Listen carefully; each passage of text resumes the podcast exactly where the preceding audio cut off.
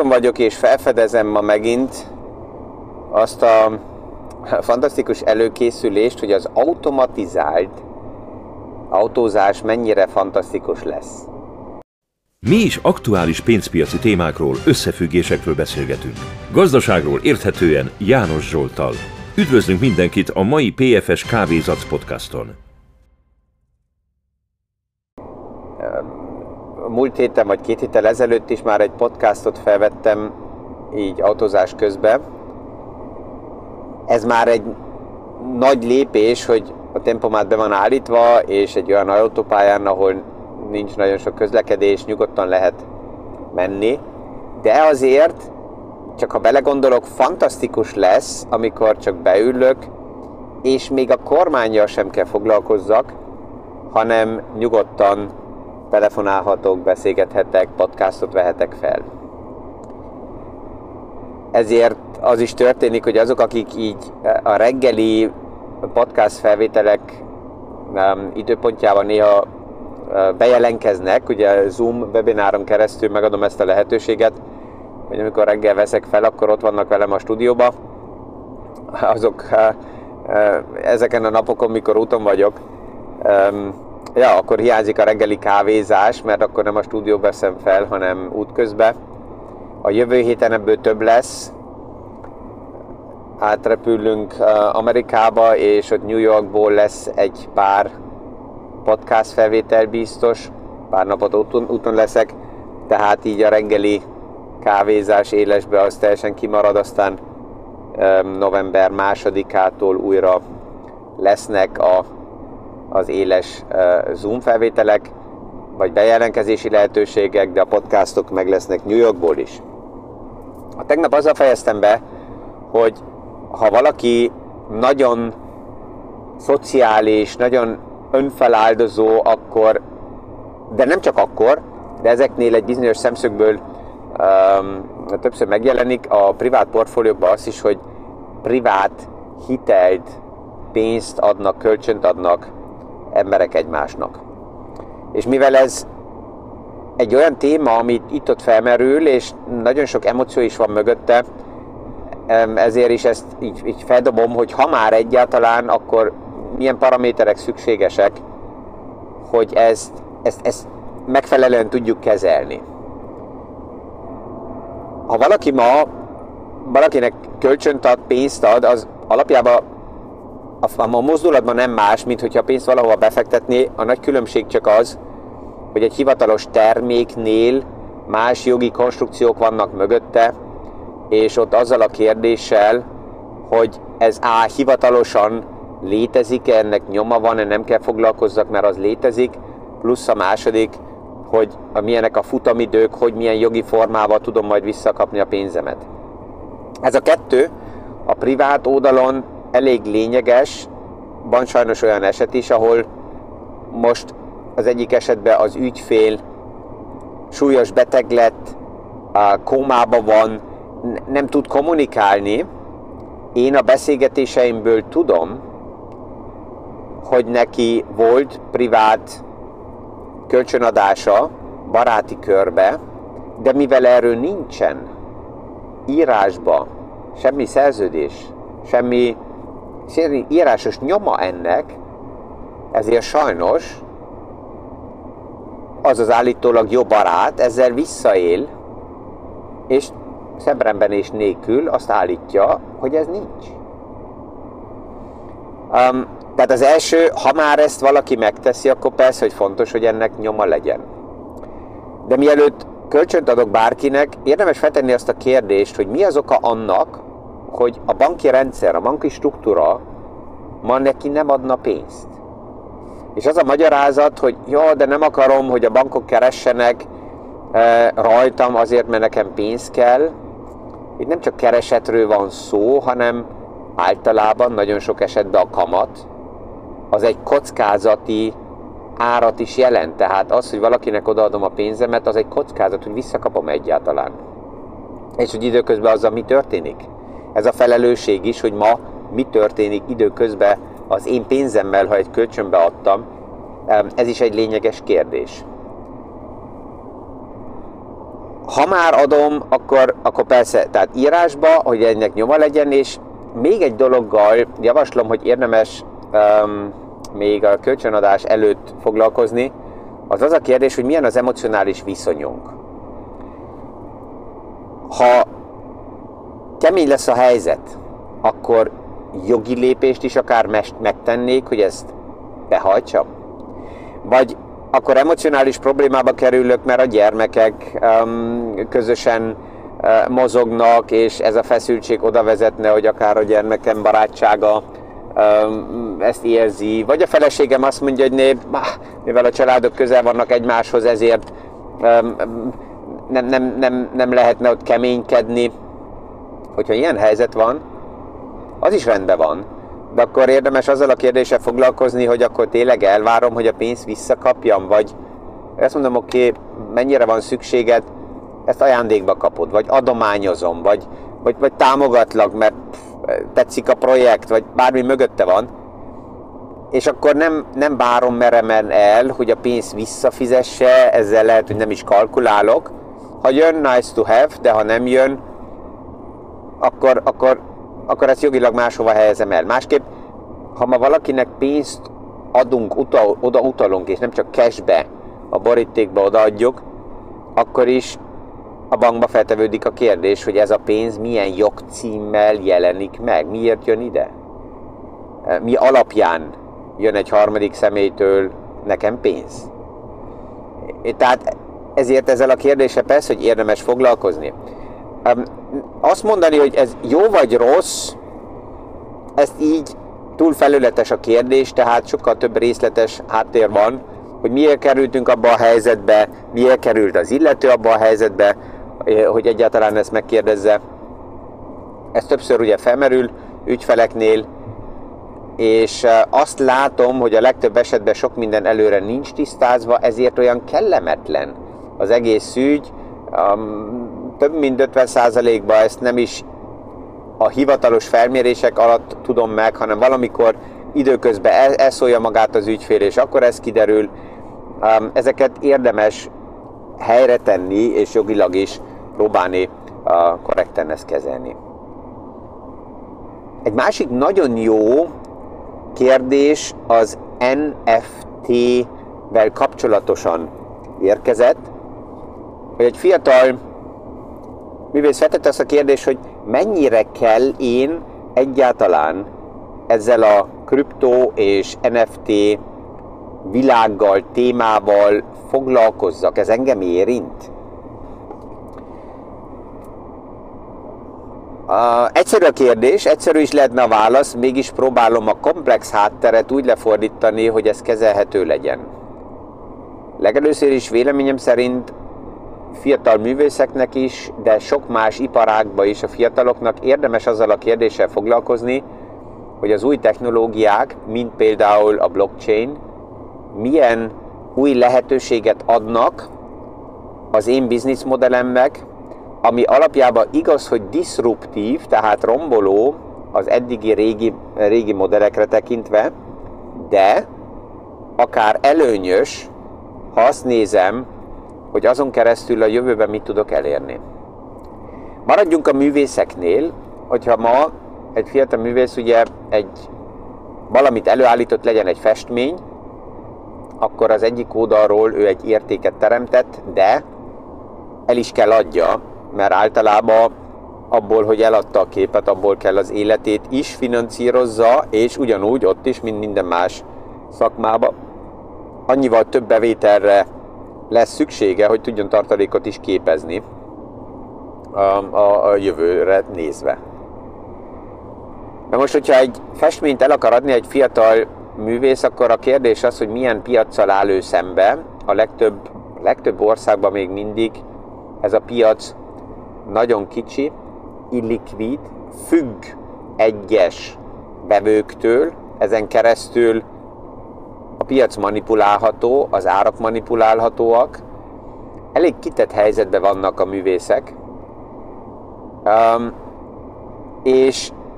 és ha, ha valaki eladta, mit tudom, azt a festményt, és azután egy olyan galériának, vagy egy olyan vevőnek került ez a kezébe, aki ezt akár megfelelően marketingezi, hype akkor annak a festményre az ára mehet is felfele, de ez egy művésznek nem, hoz semmit. Hát annyi, maximum annyit, hogyha még él, akkor mivel az ő képeit sikeresen fel lehetett hype az lehet, hogy akkor emeri a reputációját, emeri az árakat az új eh, képeknél, de alapjában az első eladott kép az már neki anyagilag nem jelent sok mindent, ez olyan, mint a tőzsdére menetelnél, amikor a vállalat a tőzsdére ment, akkor van egy bevétel, és azután, hogy az árfolyamokkal mi történik, hogy ezek emelkednek vagy csökkennek, abban normális esetben már a kibocsátó nem részesült, kivéve, hogyha ő megtart magának egy pár részvényt. Na most itt van az NFT kriptó megoldásoknak a, a pozíciója, hogy hasonlóan, mint vegyük a részvényeknél, egy képre például rá van gyártva több NFT token. A leghíresebb ilyen kép az Klimtnek a csók képe, amelyiket ugye elég erős média és marketing hatással a tavalyi év, vagy az idén volt ez, kibocsájtottak, és kihasználták akkor még ezt a NFT körüli hype-ot, tehát ott olyanok is vásároltak Klimt NFT-t, akik alapjában a Klimten nem tudnak semmit kezdeni, és azzal a, az a festménnyel, tehát ez nekik nem nagy érték, hanem azért vették meg, mert ott kialakult az a hangulat a kriptovilág körül, hogy minden, ami blockchain, minden, ami kriptó, az az árba emelkedni fog, és gazdagabb tudsz lenni. Na most azt lehet mondani, hogy ez a, ez a hype, ez most lecsengett. Ebből a forró levegő kiszállt egyelőre. Aztán, hogy új kialakul azt majd meglátjuk, de pillanatnyilag megmaradt a blockchain, megmaradt az NFT, mint technológia. Na most ez mit jelent a fiatal uh, művésznek? Azt a lehetőséget adja meg, hogy ő nem egy vevőnek adja el azt a, azt a művet, amit ő gyártott, hanem többnek, a rajnak el tudja ezt adni. Mit tudom, egy festményre rá van gyártva 1000 NFT, akkor ez azt jelenti, hogy ezer részre bontható le az ár, és akkor az egyes vevőnek sokkal kisebb az érték, amin keresztül ő meg tud vásárolni egy ilyen NFT-t, egy részét kvázi a képnek, ha most mondok egy képet, egy, egy, egy festmény lenne 3 millió euró, azt nem tudná bárki megvenni, mert nem áll rendelkezésére neki csak úgy egyszerűen 3 millió euró. De hogyha ez NFT-kre le van bontva, akkor esetleg egy NFT-t meg lehet vásárolni, most mondok egy számot, 30-40 euróval, akkor itt kisebb összegekből is, nem feltétlenül kisebb befektető, de kisebb összegekből is össze tud jönni a művésznek az az ár, amint szeretné eladni azt a festményt. Neki alapjában az a fontos, hogy ő el tudja adni a festményt, hogy ezt most ő egynek adja el, vagy többnek, az nem kérdés, hogyha egynek adja el, akkor ez neki egyszerűbb, mert csak egy vevővel kell tárgyalni. Hogyha többnek adja ezt el, akkor ez azt jelenti, hogy az ő kommunikációja is meg kell változzon. Ki kell menjen a kirakatba, másképp kell kommunikáljon social médiába, függetlenévé tudja tenni magát egyes vevőtől, mert ugye, hogyha van egy nagy egyes vevő, akkor ő tudja, hogy oké, okay, ezt a helyzetet ki, akarja, ki tudja használni, ő az árat tudja diktálni, megvan a lehetőség, hogy akár nyomás alá helyezze a, a művészt. Minél szélesebb egy piac, minél több szereplő van ott, még akkor is, hogyha ezek, ez sok kis szereplő, annál likvidebb tud lenni ez a piac, annál transzparensebbé tud válni egy piac. Tehát azt látjuk, hogy, hogy az egész NFT konstrukció az,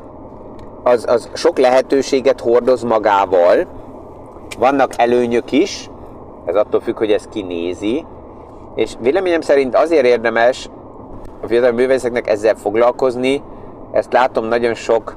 iparágban, hogyha valaki az alapszakmájába nagyon jó,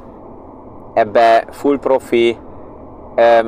belemegy, akkor nagyon sokszor elmaradnak a gazdasági háttér kérdések, hogy oké, okay, de ezt hogy tudom kirakatba tenni, hogy tudom megfinanszírozni, hogy tudom életképesé tenni,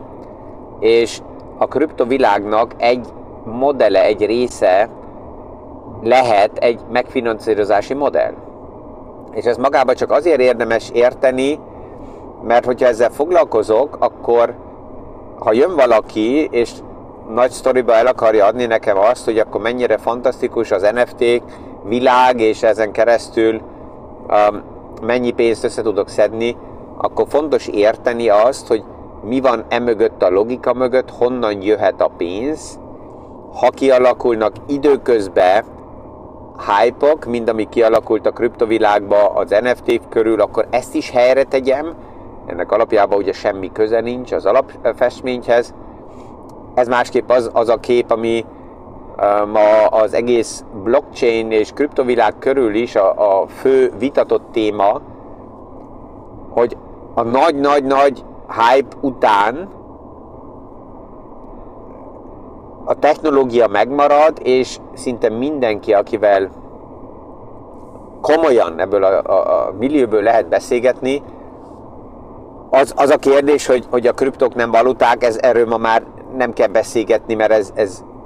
mindenütt megérkezett. De a, ami lényeges, hogy tovább is megmarad a technológia, és mindenki azt mondja, hogy igen, a döntő nem a technológia, mert az létezik, és az fejlődik tovább, hanem inkább az, hogy milyen stabil, hasznot gyártó biznisz modellre van ez rátéve. Tehát megmarad mind egy klasszikus probléma megoldás, egy adminisztráció megoldás, egy dokumentáció megoldás, vagy más megoldások, um, és így, így jó, hogy egyik oldalról helyre is kerül az egész technológia, kikerül belőle ez a lufi félre a, de ez nem sporolja nekünk azt meg, hogy mégis leülni és megérteni, hogy, hogy ez mit is jelent, hol lehet felhasználni, ez nekem hasznos tud-e lenni, érinti a bizniszmodellemet, ez függetlené tud-e tenni, tehát sok kérdés jön magába vele, és remélem, hogy ebből a szempontból így most a fiatal művészeknek is, akik ezt a kérdést feltették, segít ezt, ezt érthetőbben kezelni, hogy hova is helyezzem el az NFT kérdést, hogy ez mennyire érinti őket, az ők bizniszmodellüket a jövőre, jövőre tekintve, jövőre nézve. És ebből azt látjuk, véleményem szerint, hogy szinte nincs olyan iparág, amelyik meg tud maradni úgy, ahogy eddig volt, és azt mondani, hogy maximum visszatérünk a régi normálisba, hanem nagyon-nagyon sok iparág van, amelyikben azt kell mondjam, hogy nem visszatérünk a régi normálisba, hanem az abnormálisból jövünk most vissza egy újra normális szintre, ez, hogy csak a, a kamatokat kézbe veszem, ott is a, a hiteleknél, a finanszírozásoknál nem a nulla kamat, vagy a túl alacsony kamat a normális, az egy abnormális idő volt, így 2008-tól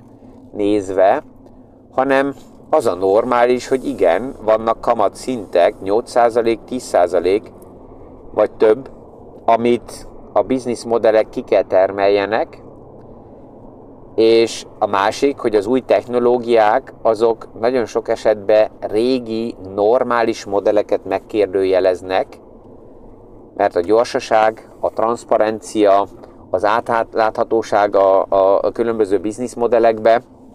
olyan új szituációkat dob fel, hogy a régi modelleknek egyszerűen megszűnik a létjogosultságok. És ezért ezzel az új normálissal minden iparágba érdemes foglalkozni, ez elkezdődik a banki világba, megy tovább az egészségügyön keresztül, az orvosokon, a művészeken, tehát olyan tevékenységi kör, amelyik nem kellene új technológia hátterekkel foglalkozzon, olyan nem jut eszembe. és már azért kell ezekkel foglalkozni, mint privát ember is, mert egyre több technikai adat áll nekünk is rendelkezésünkre, és a felelősség nálunk van. Mi kell eldöntsük, hogy ezt kinek adjuk, milyen jog megbízással adjuk, mit várunk el tőle, mit akarunk, hogy egyáltalán ő csináljon, és ezért persze, hogy érdemes arra időt szánni, hogy megértsük, hogy technológiailag körbe mi zajlik. Ezzel kellemes hétvéget kívánok mindenkinek, és örvendek, hogyha jövő héten újra halljuk egymást a következő PFS Kávézatsz podcast alkalmából.